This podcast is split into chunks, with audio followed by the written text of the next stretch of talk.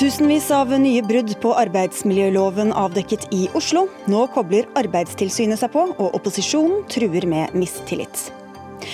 Kronprinsen rådet ungdom til å snakke positivt til seg selv, men en psykolog advarer slik egenhjelp kan være farlig. En ny fotoutstilling i hovedstaden er mannssjåvinistisk og mykpornografisk, mener kunstkritiker. Kuratoren selv kaller utstillingen en hyllest til kvinnen. Og blomster levert anonymt på døra legger til rette for personforfølgelse, mener forsker. Absurd, svarer direktøren i Interflora.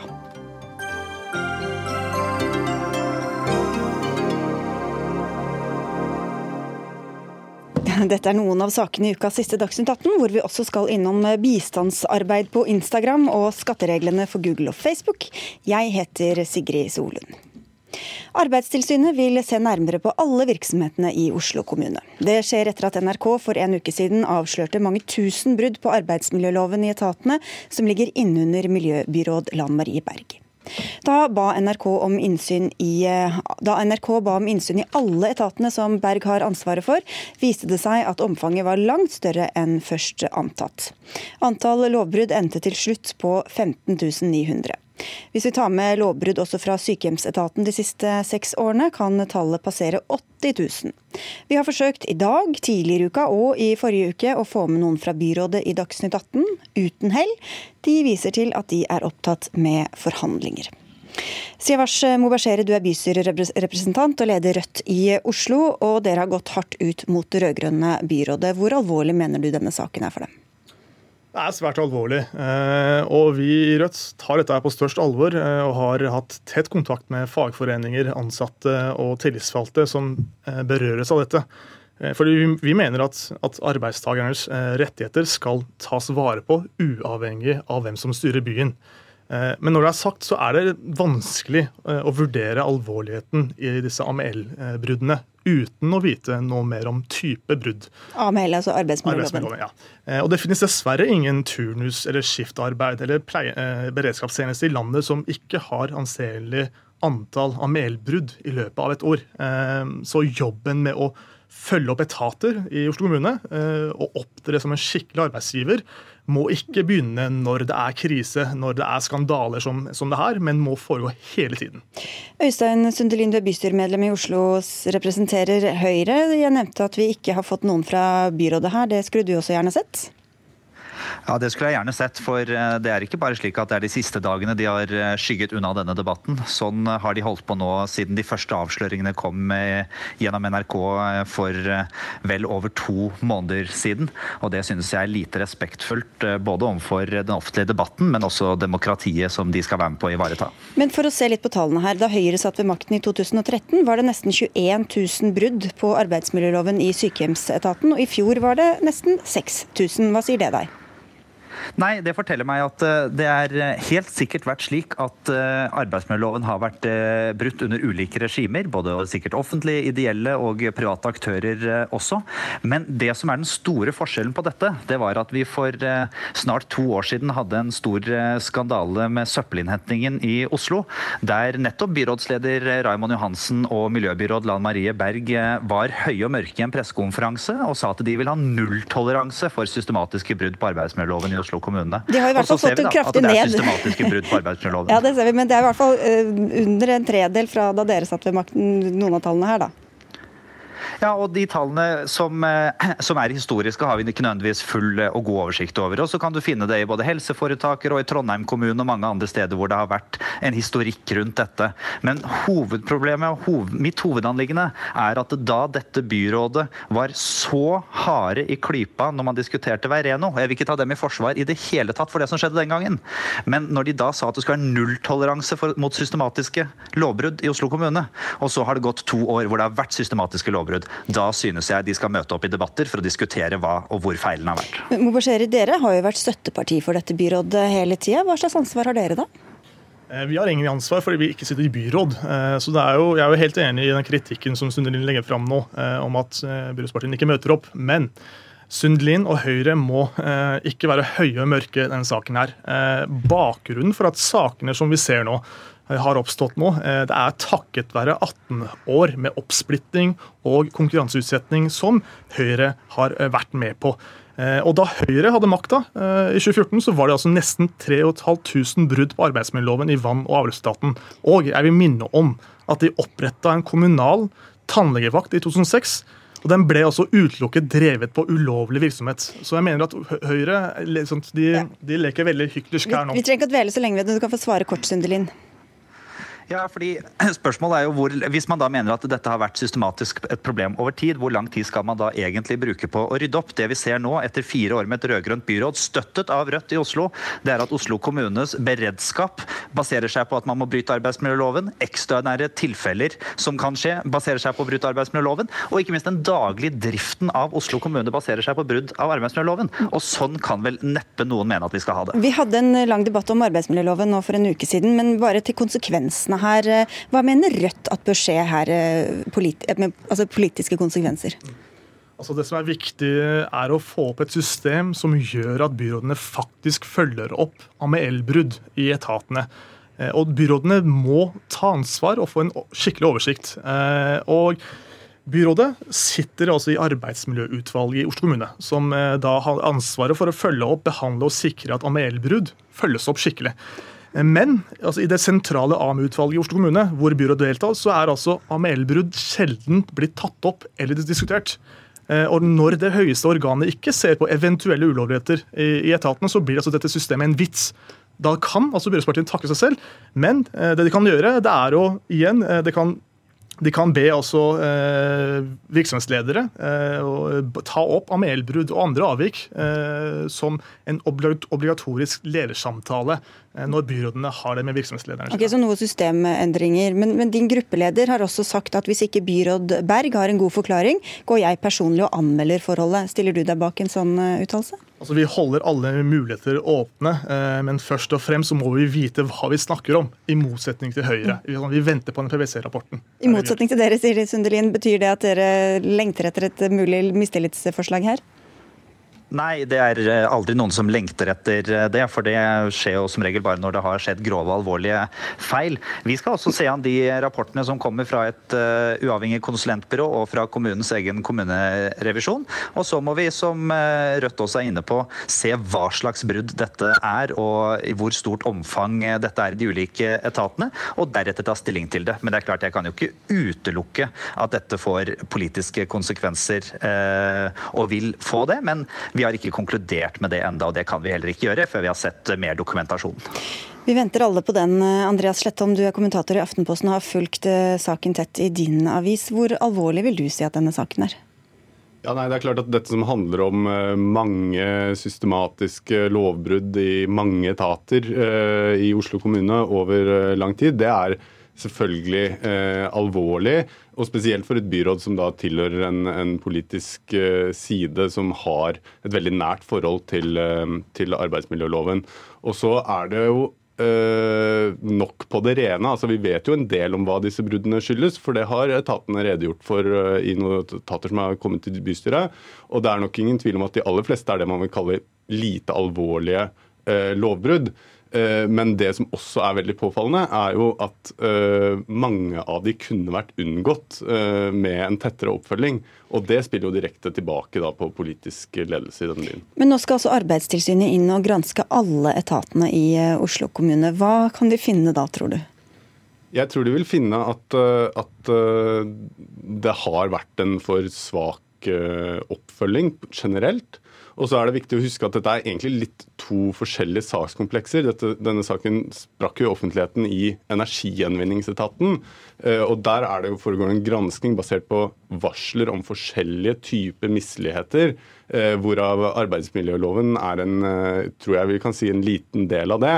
Sånn at den saken tror jeg vi skal se litt, litt for seg. Og så er dette generelle systematiske problemet i hele Oslo kommune en, en, en større, eller i hvert fall en mer omfattende sak. da.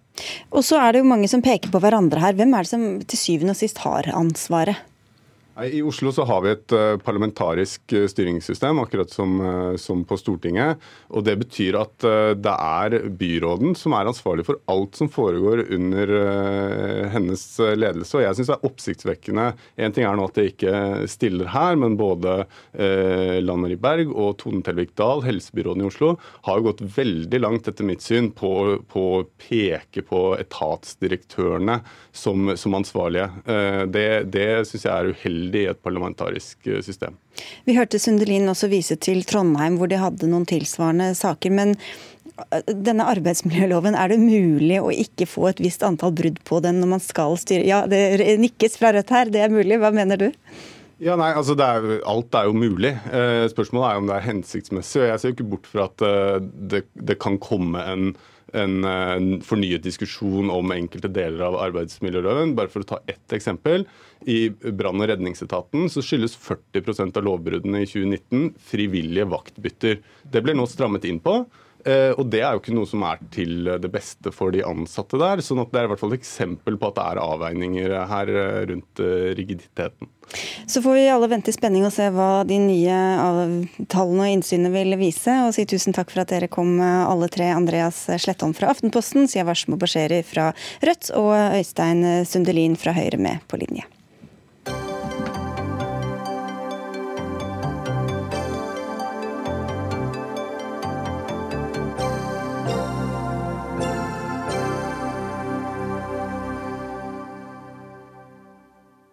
Pleier å si at når du står opp om morgenen og ser deg selv i speilet, så kan det være fint å si noe bra til deg selv. Ja, skal jeg prøve det, eller? Og så sier jeg jeg er flink til å ta med barna mine på aktiviteter en kjent stemme her. Det var kronprins Haakon som tok på seg et par blå hjertebriller og prøvde seg på positivt selvsnakk sist uke.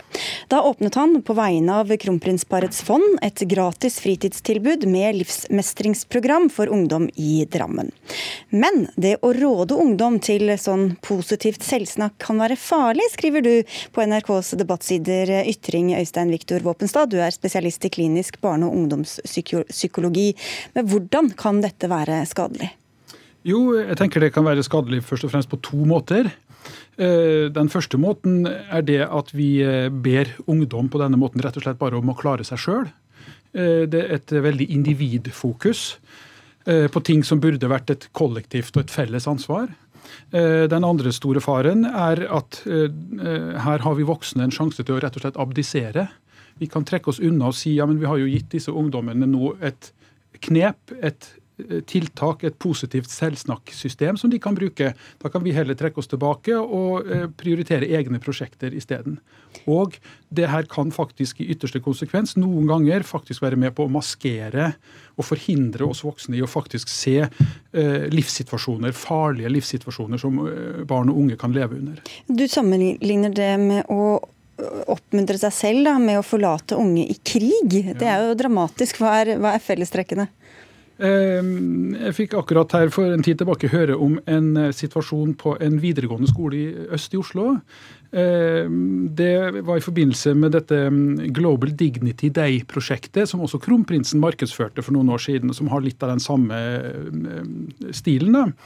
Ehm, det foregår på den måten at alle elevene på skolen samles i skolens aula. Så plukkes det ut et par stykker fra hver klasse, som da blir satt opp på eh, podiet og blir bedt om å fortelle sin lidelseshistorie. Fortelle om sine traumer fra Midtøsten og, og, og krig og elendighet som de har opplevd. sant? Eh, så setter kronprinsen seg i sin limousin og reiser derifra, og disse ungdommene må klare seg selv. Eh, da eh, kom en lærer løpende inn og sa det at i hennes klasse så var det nå én ungdom som var akutt suicidal. En annen ungdom gikk rundt og truet med skoleskyting. Dette er ikke bare en metafor, det er faktisk nesten også en realitet. Men primært når jeg sier at jeg sammenligner det med, med å forlate barn i krig, så er det jo som en metafor. sant? Fordi at vi bør som voksne forhindre krigen, stoppe krigen, fremfor å gi barn som jeg sa, ørepropper, slik at de skal unngå å bli skadet av bombenedslagene. Da. Det er ikke så ofte jeg må si dette, men nå må jeg bare minne om at kronprinsen ikke er her til å forsvare seg selv. Men vi skal prøve å diskutere prinsippene her. Dora Toralsdatter, du er utdannet utdannet familieterapeut, og du er også kjent for standup-show, og du lader opp til et i Ålesund eh, akkurat nå. Men du sier at dette er svartmaling. Hva er det som er svartmaling? Nei, det jeg tenker Hvis vi tar utgangspunkt i det kronprinsen snakket om, positivt selvsnakk, hvis vi liksom tar det som utgangspunkt, så opplever jeg at sånn som jeg forstår det, da, så snakker han egentlig om et redskap du kan bruke hvis du vil. Eh, der du altså Positivt selvsnakk er jo å snakke positivt til deg selv. Det er å gjøre oss egentlig bevisst på at vi har en indre dialog, alle sammen. Og det er egentlig et valg eh, om du vil snakke nedlatende til deg selv, eller å bygge deg selv opp. Og for friske ungdommer som selvfølgelig har sine ups and downs og tøffe tider innimellom, så tenker jeg at det er bare fint å bli minnet om at du kan f.eks. øve deg på å se deg i speilet eller snakke til deg selv på en kjærlig måte. Jeg tenker ikke at han har oppmuntra voksne til å abdisere og vi skal slutte å møte følelsene til ungdommene. Eh, jeg føler at det blir lagt altfor mye i dette her på hva voksne nå kan ta seg friheter til. Det han snakker om, er at det er en måte du kan jobbe med og snakke mer fint og godt til deg selv for å øke egenkjærligheten. Og det var det, sånn som jeg forsto det. Ja, for Våpenstad, Du skriver om en oppdiktet jente, Fatima, i, i Drammen, eh, som eh, sitat, går i en liten leilighet der faren hennes raver traumatisert rundt, mens moren ligger deprimert til sengs. Tror du det er, det er denne type mennesker som, som kronprinsen tenker på når han sier at vi skal snakke litt mer positivt til oss sjøl? Sannsynligvis ikke. Men det som blir tusenkronerspørsmålet da, er jo hvem som skal avgjøre hvor den grensen skal gå.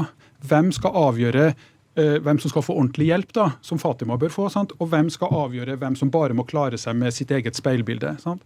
Uh, det her er ikke et valg. Vi kan ikke velge rasjonelt og bevisst om vi skal snakke positivt til oss selv eller negativt til oss selv. Disse ungdommene som jeg er bekymret for, de er så skremte og redde og traumatiserte at for dem er deres indre alt annet enn et valg. De trenger helt andre og mye mer omfattende og relasjonelt baserte tiltak. Vi mm. voksne må ta oss tid til å snakke ordentlig med dem over tid. Vise dem at vi forstår deres lidelse og smerte, og at den ikke kan avhjelpes med redskap. Toralsdotter, hvordan skal de unge klare å se at de trenger hjelp, hvis det de først og fremst tenker på er at de skal prøve å snakke litt mer positivt til seg selv i speilet? Jeg tenker jo Det med å snakke positivt til seg selv tenker jeg er et redskap. og Selvfølgelig er du traumatisert, har det tøft, sliter med store psykiske lidelser eller hva det måtte være. Så selvfølgelig handler det om å bearbeide det du står i, og snakke om det og føle deg altså Virkelig gå inn i det og få god hjelp. Jeg opplever at det kronprinsen snakker om, er et tips til de som ønsker å minne om at det går an å øve seg på å snakke kjærlighet til seg selv. Og jeg tenker Det gjelder gjelder ikke bare ungdommer, det gjelder også voksne.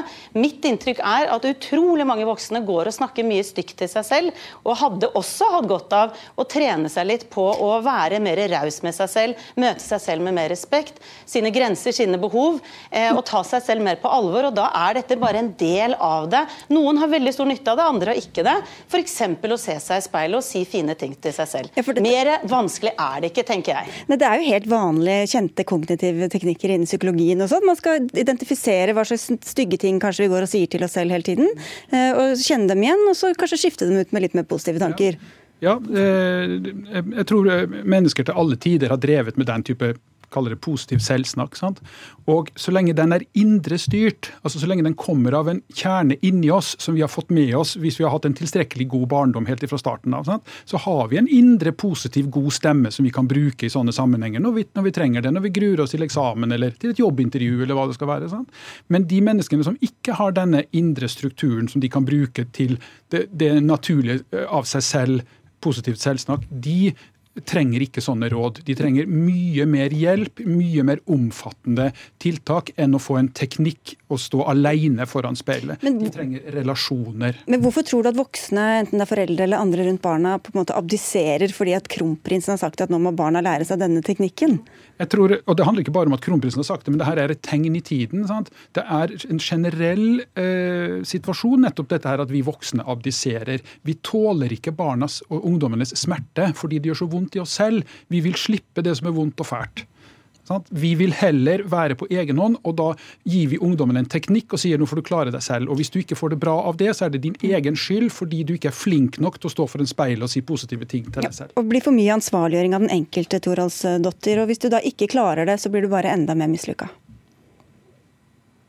Ja, jeg hører at det er eh, det som påstås her. Altså, jeg tror at det blir lagt altfor mye i dette her. fordi selvfølgelig, barn som har det vanskelig, har et stort behov for å bli møtt på følelsene sine og tålt for den de er og det de står i. Vi er helt enige om det.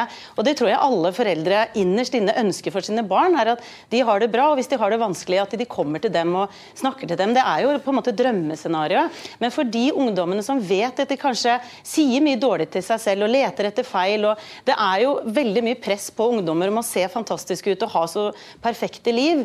Og da blir det så mye fokus på alt som er feil. Og det jeg opplever at kronprinsen snakka om, nå er det ikke jeg som har sagt dette her, jeg bare forsvarer han litt, på at hvis du går rundt og vet at du sier mye dårlig til deg selv, så handler det om å snu, øve deg litt på å snu det, og det kan du gjøre selv. Eh, og det er å gi litt eh, følelsen av at du kan være med på å få det bedre ved å snakke mer kjærlighet til deg selv skal vi bare konkludere med at vi var skikkelig flinke alle tre nå i denne runden. Takk skal dere ha, i hvert fall begge to. Øystein Viktor Våpenstad, spesialist i klinisk barne- og ungdomspsykologi. Og til deg, Dora Toralsdatter, familieterapeut og standup-komiker.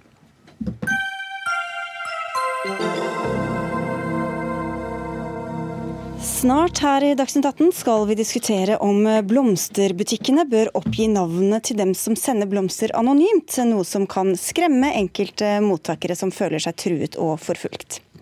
Men først. En enestående samling fotografier av noen av verdens aller vakreste kvinner.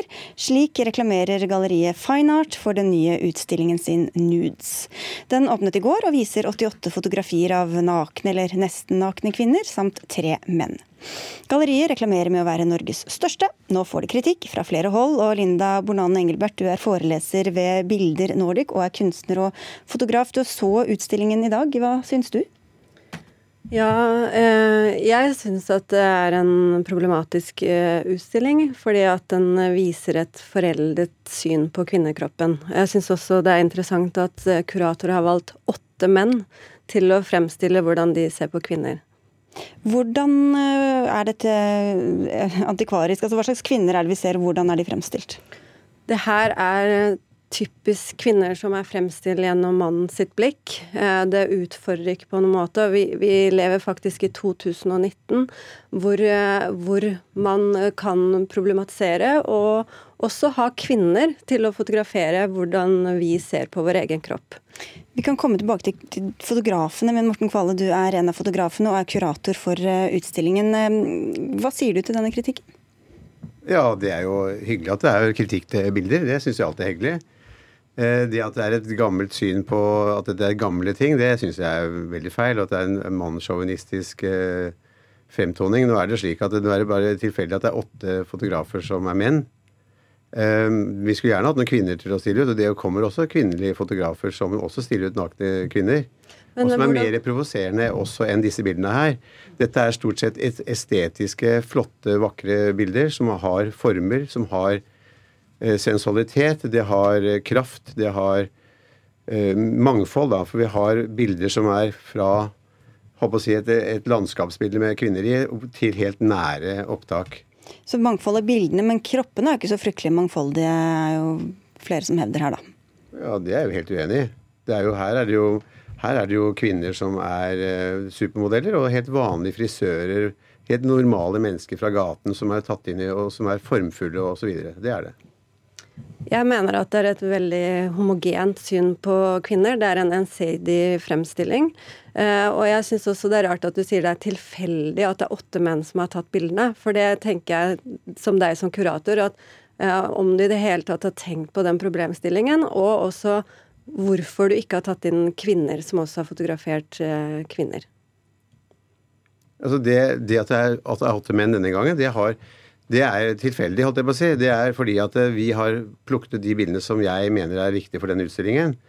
En annen gang så vil det være kvinner som er eh, fotograf i forhold til nakne menn eller kvinner. Det er ikke problematisk for oss i det hele tatt. Men Du sier at det var en hyllest til, til kvinnen eller til kvinner. Men hva, hva, var det du ville vise da i denne, i denne utstillingen?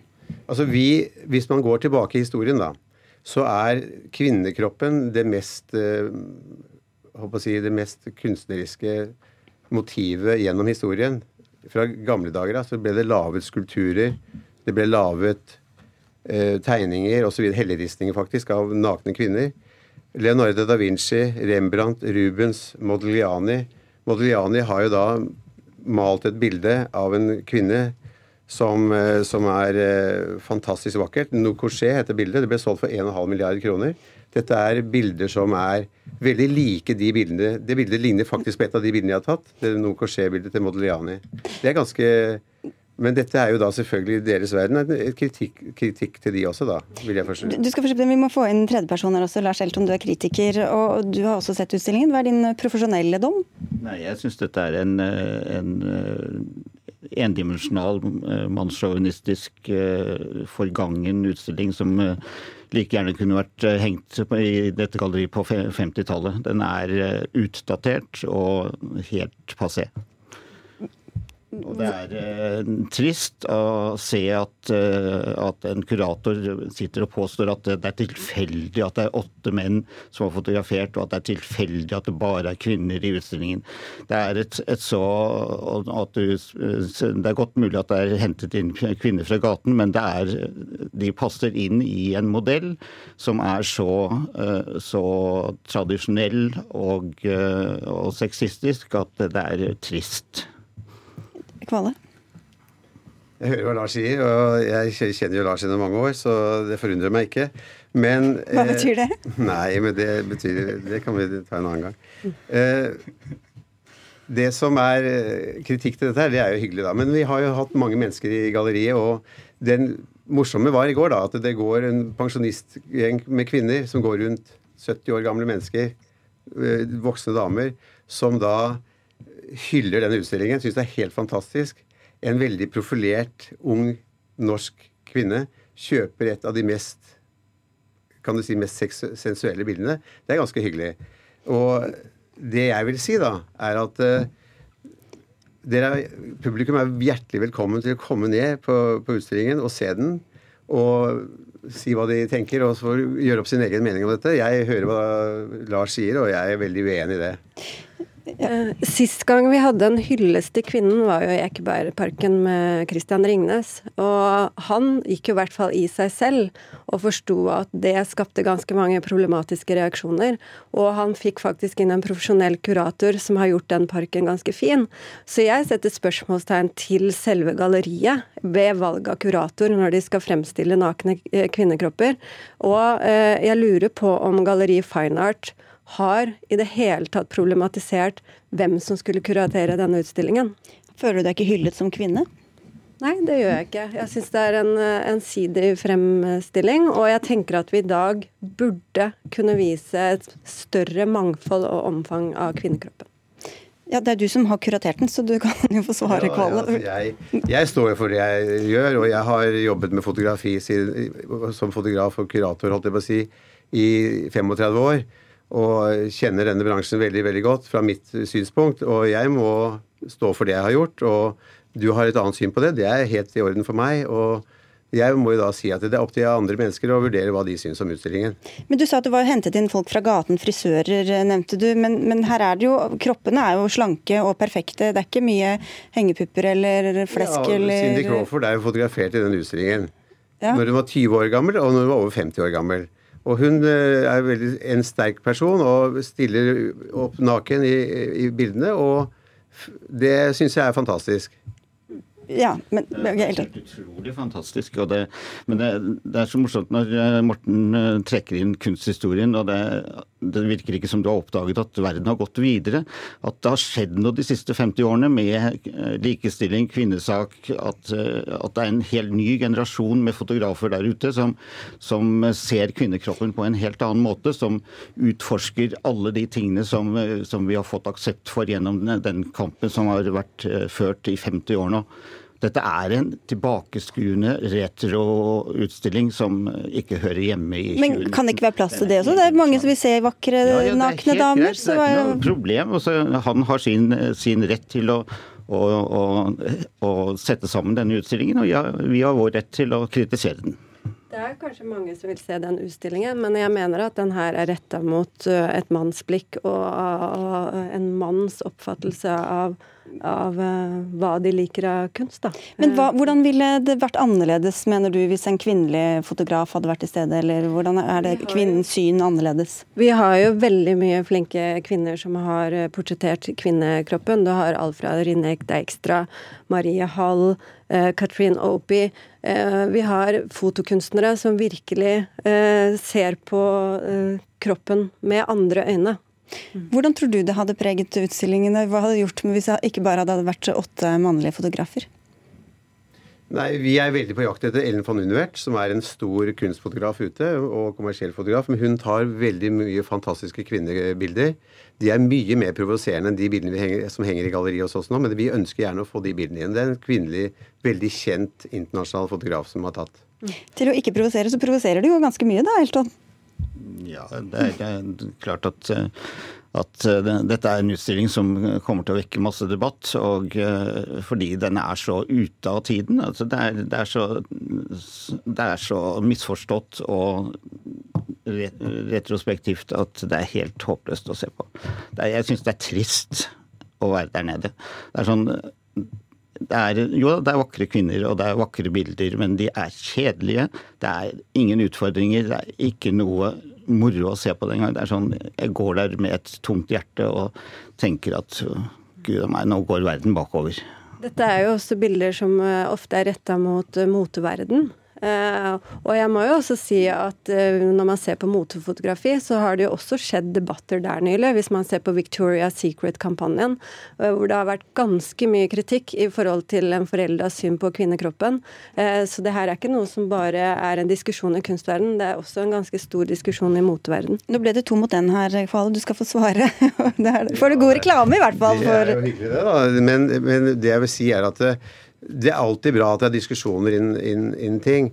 Disse bildene her er veldig sensuelle, vakre, og det er veldig flotte i et hjem. Man blir inspirert av det. Man kanskje blir også litt uh, pirret i hverdagen, da, som jeg tror er også veldig viktig for veldig mange. Og, er, og, de som kjøper bildene, det er stort sett par, og det er flere faktisk kvinner som kjøper bildene enn menn. Ja, for jeg lurer på Hvem er det, det som blir pirret? Hvilket publikum er det som blir pirret? Det, hvilket publikum? Det er vi mennesker. Mm. Og vi har ikke fått noen negative kommentarer fra den utstillingen så langt. Men det kommer, an på, hvem, kveld, det kommer an på, hvem, du spør, ikke sant? Det skjønner jeg. Mm. Men det er veldig hyggelig da at det er mennesker som er voksne, som har levd et langt liv, som, blir, som syns det er vakkert og flott, og at det er en hyllest til kvinnen. Og nå har de som følger oss på TV, har kunnet se flere av bildene. Det tror det også ligger ute en, en sak på nrk.no for alle som har hørt oss på radio, som vil gå inn og kikke der. Tusen takk skal dere ha alle tre for at dere var med i Dagsnytt 18. Kritiker Lars Elton, fotograf og kurator Morten Kvale og kunstner og fotograf Linda Bornane Engelbert.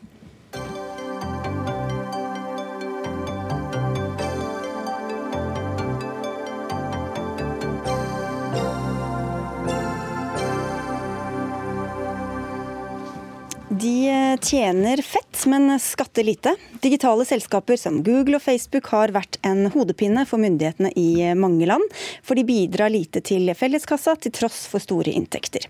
Norske myndigheter har ventet på OECD.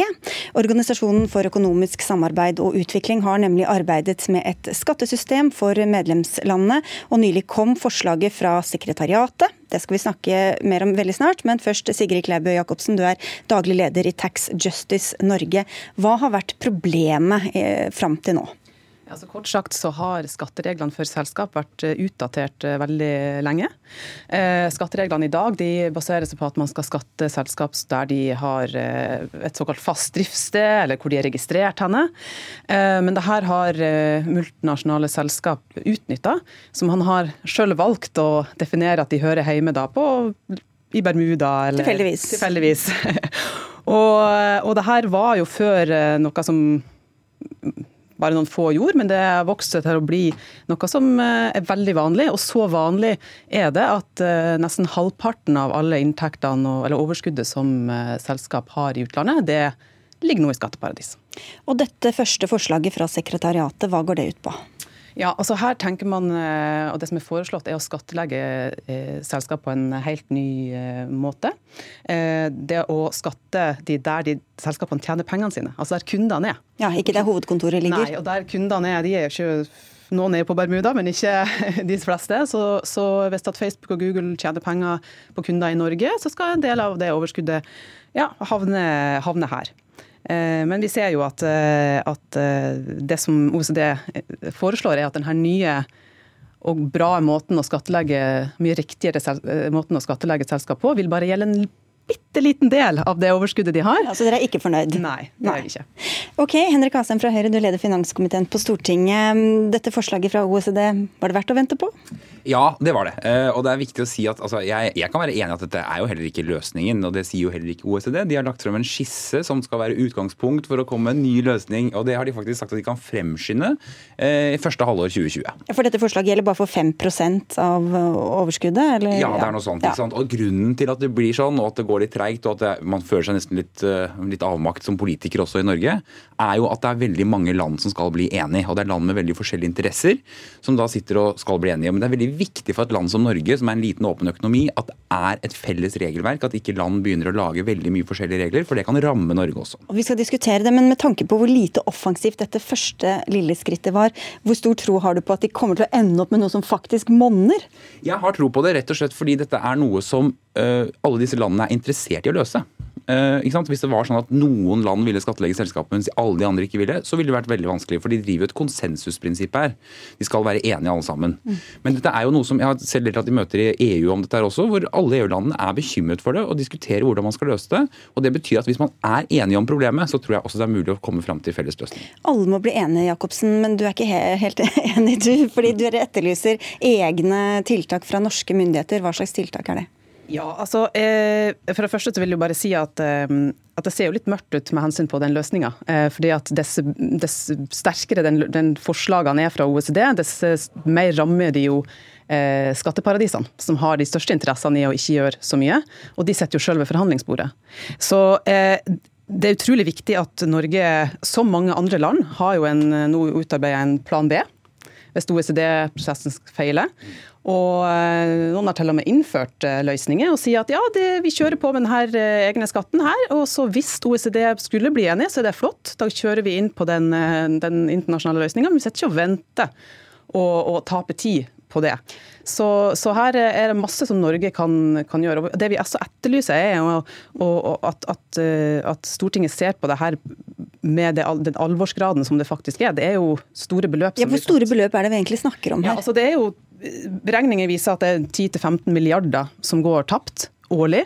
Altså, det her er jo beløp som kunne På, på, mange, på hvilket område? På den overskuddsflyttinga som selskap driver. Altså, Norge kunne, kunne Norge fått, inn, hatt, fått 10-15 milliarder. Det er det samme som Norge får inn på, uh, av, av bompenger i året. året.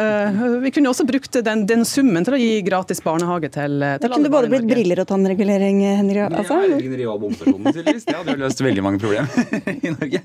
Nei, men, men, men helt åpenbart. Og det, det som også skjer, er jo at mange land helt riktig innfører forskjellige regler, og de har forskjellige prinsipper for det. EU har jo diskutert om man skal innføre dette i hele EU. Våre naboland Sverige og Finland var da mot. Hvorfor var de det? Fordi Sverige har Spotify, og Finland har et selskap som heter Rovio, tror jeg, men som har laget Angry Birds. ikke sant? Rett og slett. Som betyr at de har masse, masse kunder over hele verden som betaler litt inn, men selskapet er i Finland, så Finland vil ikke at det da skal være penger som går til alle. Det andre problemet for oss er at hvis vi begynner å lage den type regler, alle disse eh, ordningene her kan jo møte et mottrekk.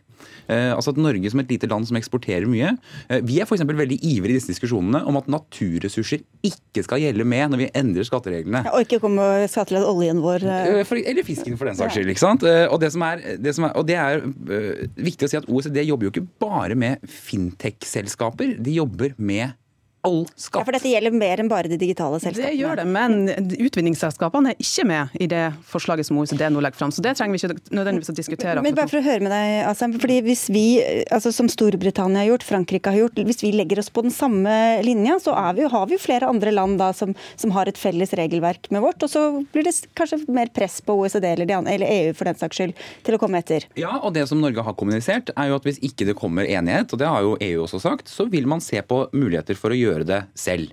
Men det som er budskapet, vi hadde jo høring om dette på Stortinget òg, hvor Tax Justice Network også deltok, var jo at uh, mange av instansene sa at grunnen til at vi trenger et internasjonalt rammeverk, i hvert fall at de store økonomiene er med, er at hvis ikke så har det heller ingen effekt. Da kan selskapene i stedet begynne å planlegge seg ut av skatt, fordi skattesystemet er forskjellig. Det verste som kan skje et selskap som ikke vil betale skatt, er at det er like regler over hele verden. Det beste som kan skje dem, er at det blir veldig forskjellige regler, for da kan du skatteplanlegge. Så vi må, jeg er helt enig, det er et stort problem som vi må løse, men vi må gjøre det i fellesskap. Vi kan ikke gjøre det hver for oss. Men de reglene som er foreslått i eh, OECD nå, de, jo, eh, de gir jo masse rom for planlegging. De, har jo, eh, de nye reglene skal gjelde for en liten del av overskuddet, og det andre overskuddet så skal de samme reglene gjelde. Så vi har to systemer, to kompliserte systemer som skal fungere ved siden av hverandre. og Grensedragningene er ikke dratt opp. Så mange sitter jo nå og bekymrer seg de enorme kostnadene det vil bli både en, for selskapene som skal følge det her, og myndighetene som skal påse at denne skattlegginga skjer på, på riktig måte. Så, men Mitt poeng er at Norge er jo i en utrolig sånn særposisjon her. fordi at man har, som et av de få landene i EU, ikke begynt et eget utredningsarbeid. For Hvis ikke Norge nå setter i gang med å se hvilke konsekvenser vil det forslaget få for oss, hva med andre forslag, hvilke eh, trenger vi å gjøre mer? For å si det sånn da, Hvis at det forslaget fra OECD nå faktisk vil vise seg at vi får inn eh, 5 da, av de milliardene som er våre, som ligger i skatteparadis, er Stortinget fornøyd med det? Ikke sant? Mm. Kan ikke Stortinget gjøre en helhetlig vurdering av konsekvensene av overskuddsflytting? For da kan vi få en måte å måle de her enkelttiltakene opp mot. Hva er det som er nok? Hva er det vi trenger mer av? Er OECD-prosessen bra nok, eller trenger vi mer ved siden av? Og vi vet jo ennå ikke hvem OECD kommer med altså, til syvende og sist å bli enige om. Men Norge har, eh, og det tror jeg vi kan være enige om, i 30 år stått ganske langt i front på disse diskusjonene og bidratt til det internasjonalt også på overskuddsflytting, land-for-land-rapportering, som egentlig innebærer nettopp at du skal vite hvor pengene er plassert, at ikke du flytter overskuddet til andre land med lavere skatt osv. Alt dette har Norge vært pådriver på. Men vi har alltid anerkjent det viktige, nemlig at det må være en form for enighet med de store økonomiene. For ellers så kan et lite land som Norge møte straff på andre måter, og derfor må vi gjøre det på den måten. Men at Norge liksom passivt bare sitter og ser på dette, det er ikke riktig. Men hvis det hadde vært skatteunndragelse i denne størrelsen på andre områder, tror du at, at du fortsatt bare hadde sittet og liksom vært like avslappet? Nei, men for det er dette som er Er det skatteunndragelse? Eh, altså, vi må godtgjøre eh, for det selskapet eller for det landet det selskapet er i, hvorfor Norge skal ha en andel av det. Fordi sånn som prinsippene er i dag, så skal ikke Norge ha store andeler av det. Vi har jo kildeskatt og sånne ting, men allikevel. Så vi må endre hele prinsippet for hvordan du skattlegger for å kunne rettferdiggjøre at vi skal skattlegge. Vi kan vedta at alle mennesker som har brunt hår i hele verden skal betale skatt i Norge, men det hjelper ikke. fordi det har ikke noe å si så lenge prinsippene og reglene ikke er der jeg syns det var en dårlig sammenligning når vi snakker om, om skatt, men greit. Okay. Eh, så vil jeg bare si at eh, Norge gjør jo masse på egen hånd, uten å måtte være enig med absolutt alle. Vi, vi innførte jo land-for-land-rapportering på egen hånd, uten å ha offentlig land-for-land-rapportering for enkelte store multinasjonale selskap. Før alle var enige. Så da da syns jo Norge at det var nødvendig å gjøre noe, fordi at dette her trengte man virkelig fortgang i prosessene. ikke sant? Og så ser man Frankrike sitt argument for å innføre digital skatt. Det er bl.a. å si at ja, men det her gjør jo at, eh, at, OECD jobber fortere. Da får de litt uh, fart på seg. De ser at nå kommer det. Så det, sånne ting kan jo Norge også bidra med. Og nå er det ikke så lenge til den fristen. Det er ikke så lenge de skal sitte og forhandle, så det kan hende det kommer noe bare noen få måneder på, på, dette området. Da får vi se hvor fornøyde dere er begge to, og komme tilbake da. Takk skal dere ha, Henrik Asheim fra Høyre og Sigrid Klaubø Jacobsen Jacobsen fra Tax Justice Network Norge.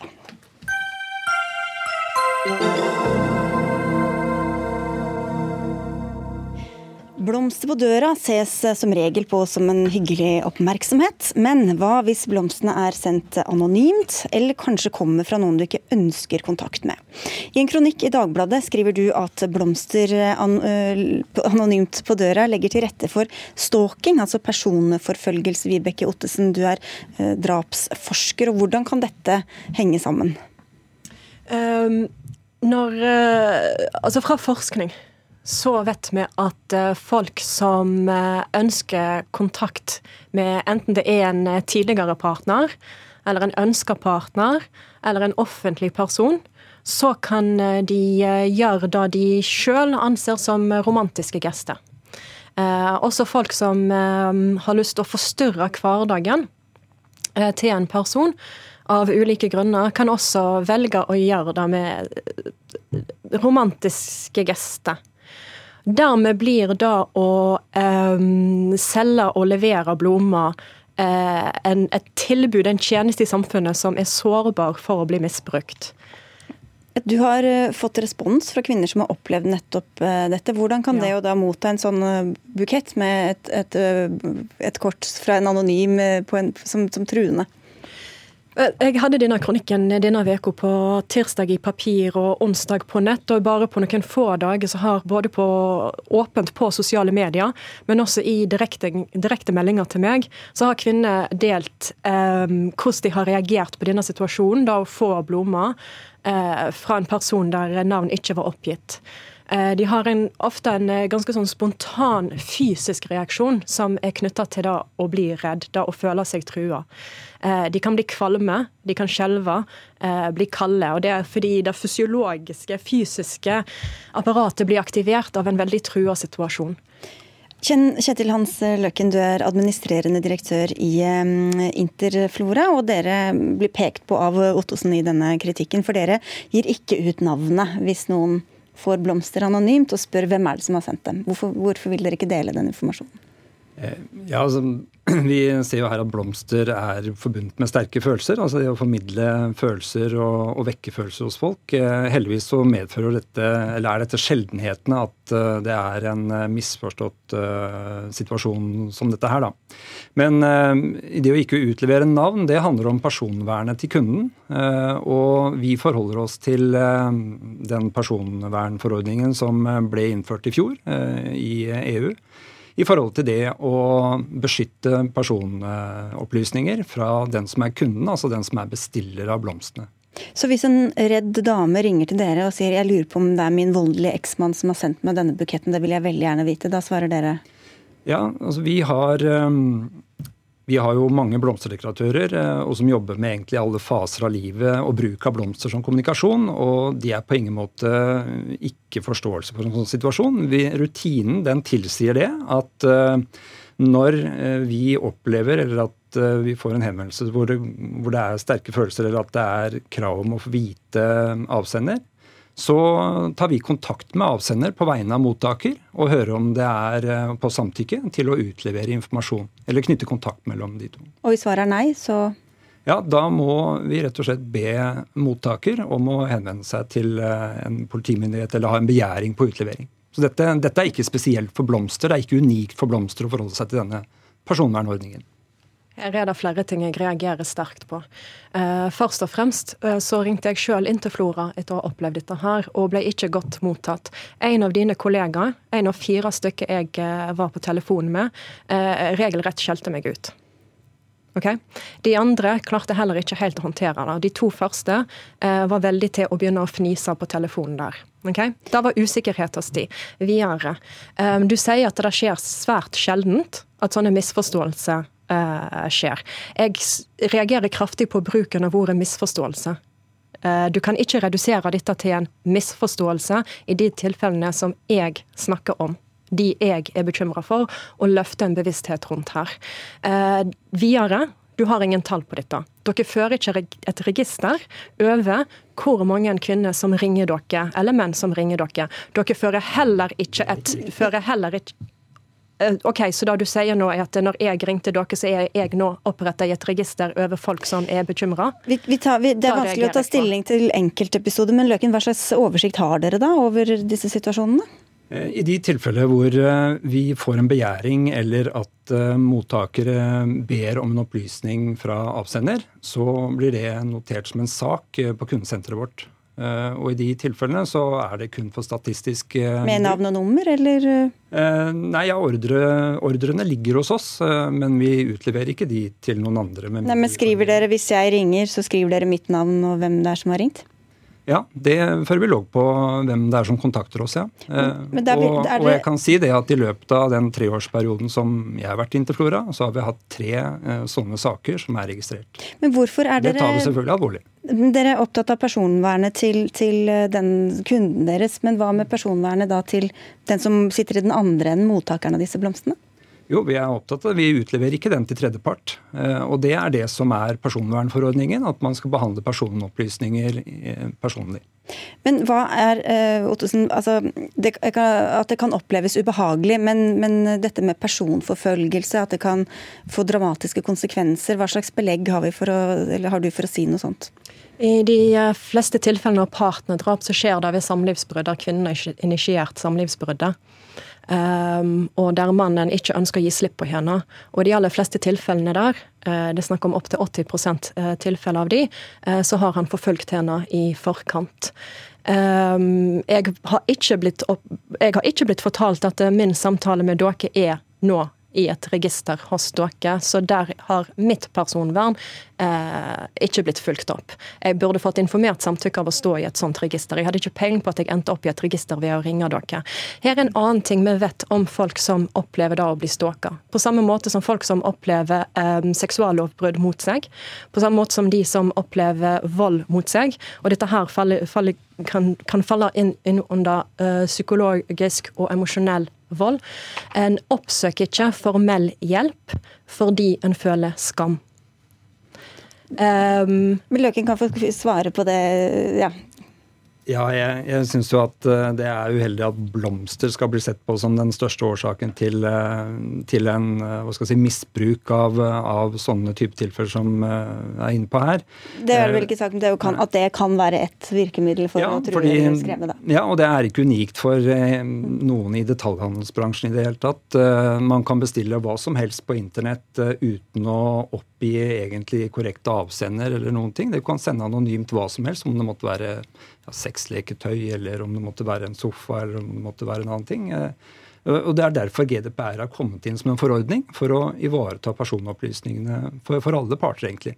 Hvis det er slik at uh, det handler om uh, sånne typer situasjoner, da, altså mottaker, så må jo vi også nå se på GDPR-ordninger, altså EU-regulativet, på om og dette har vi vurdert av jurister tidligere. Det er derfor vi har den ordningen. Og, og, da må vi jo se på om det finnes alternativer som gjør at det er mulig å både ivareta personvernet for mottaker og for avsender. Men det er en noe mer komplisert jobb. Vi får eh, avslutte der og si tusen takk for at dere var med begge to, Vibeke Ottesen og Kjetil Hans Løken. Takk skal dere ha.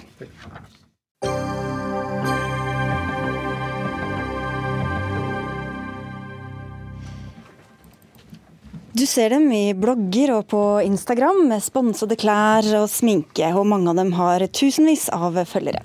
Vanligvis ser vi påvirkerne, altså disse såkalte influenserne, mens de reklamerer for klær eller sminke, men nå også i bistandsarbeid. Misjonsorganisasjonen Nordmisjon har nemlig sendt en slik påvirker til Bangladesh i forbindelse med kampanjen Like mye verdt. Kampanjen skal styrke jenters stilling i samfunnet. Og Ane Bamble Kjellegg, du er journalist i avisa Vårt Land, og du skriver i en kommentar sitat, når Nordmisjon sender en Instagram-profil til Bangladesh, ofrer de budskapet på oppmerksomhetens alter. Sitat slutt. Hva mener du? Jeg tror for det første at Nordvisjon har tenkt veldig riktig eh, når de velger å bruke en influenser for å nå bredere ut. Eh, de når en yngre målgruppe. Eh, men jeg tror ikke de har helt tenkt gjennom hva de egentlig når ut med, eller hva budskapet skal være, eh, og hva en influenser gjør. Eh, og Jeg har ikke noe behov for å kritisere influenseren som de har brukt, for hun gjør jo bare det hun pleier å gjøre. Men når du ser på de bildene som blir lagt ut i sosiale medier, så er det veldig stort personfokus. Altså det handler om henne, at hun er sendt til Bangladesh, at hun møter barn i Bangladesh. Barnet er ikke engang navngitt. Eh, så jeg mener at de tar bort eh, oppmerksomhet fra det budskapet de faktisk prøver å eh, fremme. Ole Martin Rudstaden, du fikk litt um, ros innledningsvis her. Du takker pent på det. Ja, ja, ja, du er fungerende generalsekretær i Nordmisjon. Men til kritikken, da, som jo er mest interessant for oss. Hva er tanken bak å bruke en sånn Instagram-profil til å promotere en sak som egentlig ikke har noe med henne å gjøre i det hele tatt? Altså, vi ønsker um å ta unge mennesker som eh, vil gjøre verden bedre, på alvor. Og ønsker å å, ønsker å, å, å gi dem plass. Eh, gi dem mulighet til å bruke sine nettverk, til å bruke sine venner, til å bruke sitt der de kommuniserer. Til å, til å formidle informasjon, til å formidle engasjement rundt det å hjelpe andre mennesker. Så det du sier er at det var hennes initiativ? Eh, dette, kom i, dette, kom i, stand i en samtale. Eh, på, som, på, på, hvilket initiativ? Eh, du, Det vet jeg faktisk ikke akkurat opphavet til. Men det var på Soul Children-festivalen, som, eh, som, arrangeres av AKTA, barne- og ungdomsorganisasjonen til Nordmisjon. En stor festival hvor hun også var. Og hvor det ble en samtale rundt dette. Mm. Men dette personfokuset, altså hvordan skal man unngå det? Hvis man skal bruke en, en kjent, et kjent eh, fjes til å fronte noe, uten at man fokuserer på nettopp det kjente fjeset? Første, første, bud må jo være å hvert fall eh, sette navn på de andre menneskene som er på bildene. Fordi eh, det vi ser da er at her poserer hun sammen med to barn. De holder opp eh, en plakat der det står like mye verdt, men det er bare influenseren som har navnet sitt, altså den norske jenta, mens de to bangladeshiske barna blir anonyme. Mm. Så jeg tenker at Det er i hvert fall et godt utgangspunkt. Og så handler det om å bruke anledningen til å fortelle andre historier enn bare historien om den hvite jenta som drar eh, til eh, et annet sted i verden eh, for å hjelpe noen, men kanskje fortelle noen av historiene til de som hun skal være der for å hjelpe. Ja, like mye verdt, men det er ikke så vanskelig å se hvem som er hovedperson når du ser på bildene mm, fra, fra Bangladesh? Nei, altså nå er det viktig å si at dette her er Altså startskuddet for dette her går egentlig 21.11. ved en Eh, i Odeon kino i Oslo eh, ved visning av en dokumentar som er lagd på denne reisen. Eh, og hvor alle er hjertelig velkommen, og alle inntektene går til prosjektet.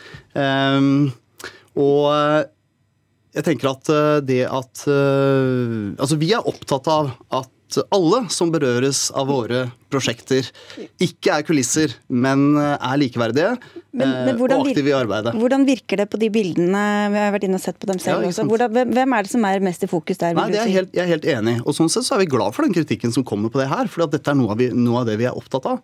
Eh, men jeg tenker at eh, det at uh, influensere skal brukes i denne sammenhengen, det tenker jeg at det må vi få til. Uh, og de må få dele sitt engasjement, og vi må, vi må, bruke unge mennesker, selv om de også er opptatt av sminke og klær og, og, ønsker å ta mange selfies, så må vi kunne bruke de til å skape engasjement for, uh, for å hjelpe andre mennesker. Men så spørs det hvor mye budskapet som når ut da, til hennes følgere, f.eks. Har du sett hva de skriver i kommentarfeltet til bildet? Ja, det har jeg sett. Hva, står det, hva er det mest fokus på der, vil du si?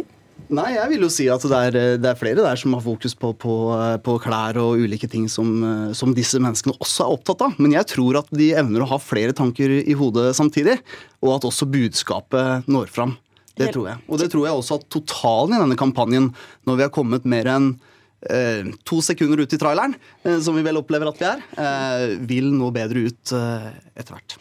Hvor mye tror du sitter igjen hos de som følger henne til vanlig og ser på disse bildene? Jeg tror at Nordmisjon misforstår litt hva en influenser gjør. fordi Det blir sikkert en kjempefin eh, dokumentarfilm som sikkert kommer til å fortelle eh, mye av det jeg etterlyser. Men, men, den kommer nok ikke til å bli sett av 250 000, som er eh, antallet som følger denne influenseren på Instagram. Eh, og når du ser i kommentarfeltet, så ser du jo at det er liksom, eh, veldig mye fokus på utseendet og hvor pen hun er og, og sånt. Og jeg har heller ikke noe jeg har ikke noen illusjoner om at hun ikke vil hjelpe folk. Det tror Jeg absolutt. Jeg tror nok at det engasjementet er helt ekte, og ingen grunn til å betvile det. Men, men det jeg kritiserer, er, er formen eh, og, og, hvordan dette framstår. Eh, og da framstår det først og fremst eh, som at det er henne det handler om, ikke prosjektet. Ja, vi tenker jo ikke at det er sånn. Eh, jeg tror heller ikke at 250 000 kommer til å se akkurat denne dokumentarfilmen. Men jeg tror at hun kommer til å nå mange mennesker, og jeg tror at hun kommer til å skape engasjement. Eh, og jeg tror at hun gjør det også selv om hun er opptatt av eh, hvordan hun ser ut på bildene. Men denne debatten føyer seg jo inn i en rekke av debatter vi har ved mange innsamlingsaksjoner, hvor kritikken går nettopp på at det reiser en eller annen vestlig, ung eller gammel kjent person ned, og så blir det bilde av med masse brune barn eh, bak. Hvorfor, altså, hvorfor vil dere på en måte ta den samme oppskriften, eh, dere også? Vet du hva, vi, eh, vi tenker det at skal vi skape engasjement rundt disse spørsmålene, så er vi nødt til å ha nærhet. Og da må noen reise ut og se hvordan det er, og så fortelle om det. Det er klart at vi vi har jo hjelp av eh, TV, vi har hjelp av eh, medier eh, nå verden over, ikke sant? så vi kan få dette hjemme i stua. Men likevel så er det noe annet når, når noen som kan skape den nærheten, er med på det. Men da må dere faktisk eh, fortelle om det, og ikke bare fortelle om at det har vært noen der nede og, og, eh, og besøkt disse menneskene. Dere må fortelle også deres historier, og det syns jeg ikke dere har klart så langt. Når hele historien er på plass, så har vi noe Da blir alle kjempefornøyd. Tusen takk skal dere ha begge to. Anne Bamble Kjellag fra Vårt Land og Ole Martin eh, Rudstaden fra Nordmisjon. Dagsnytt 18 er over for i dag. Dag Dørum Finli og jeg, Sigrid Solund, takker for oss.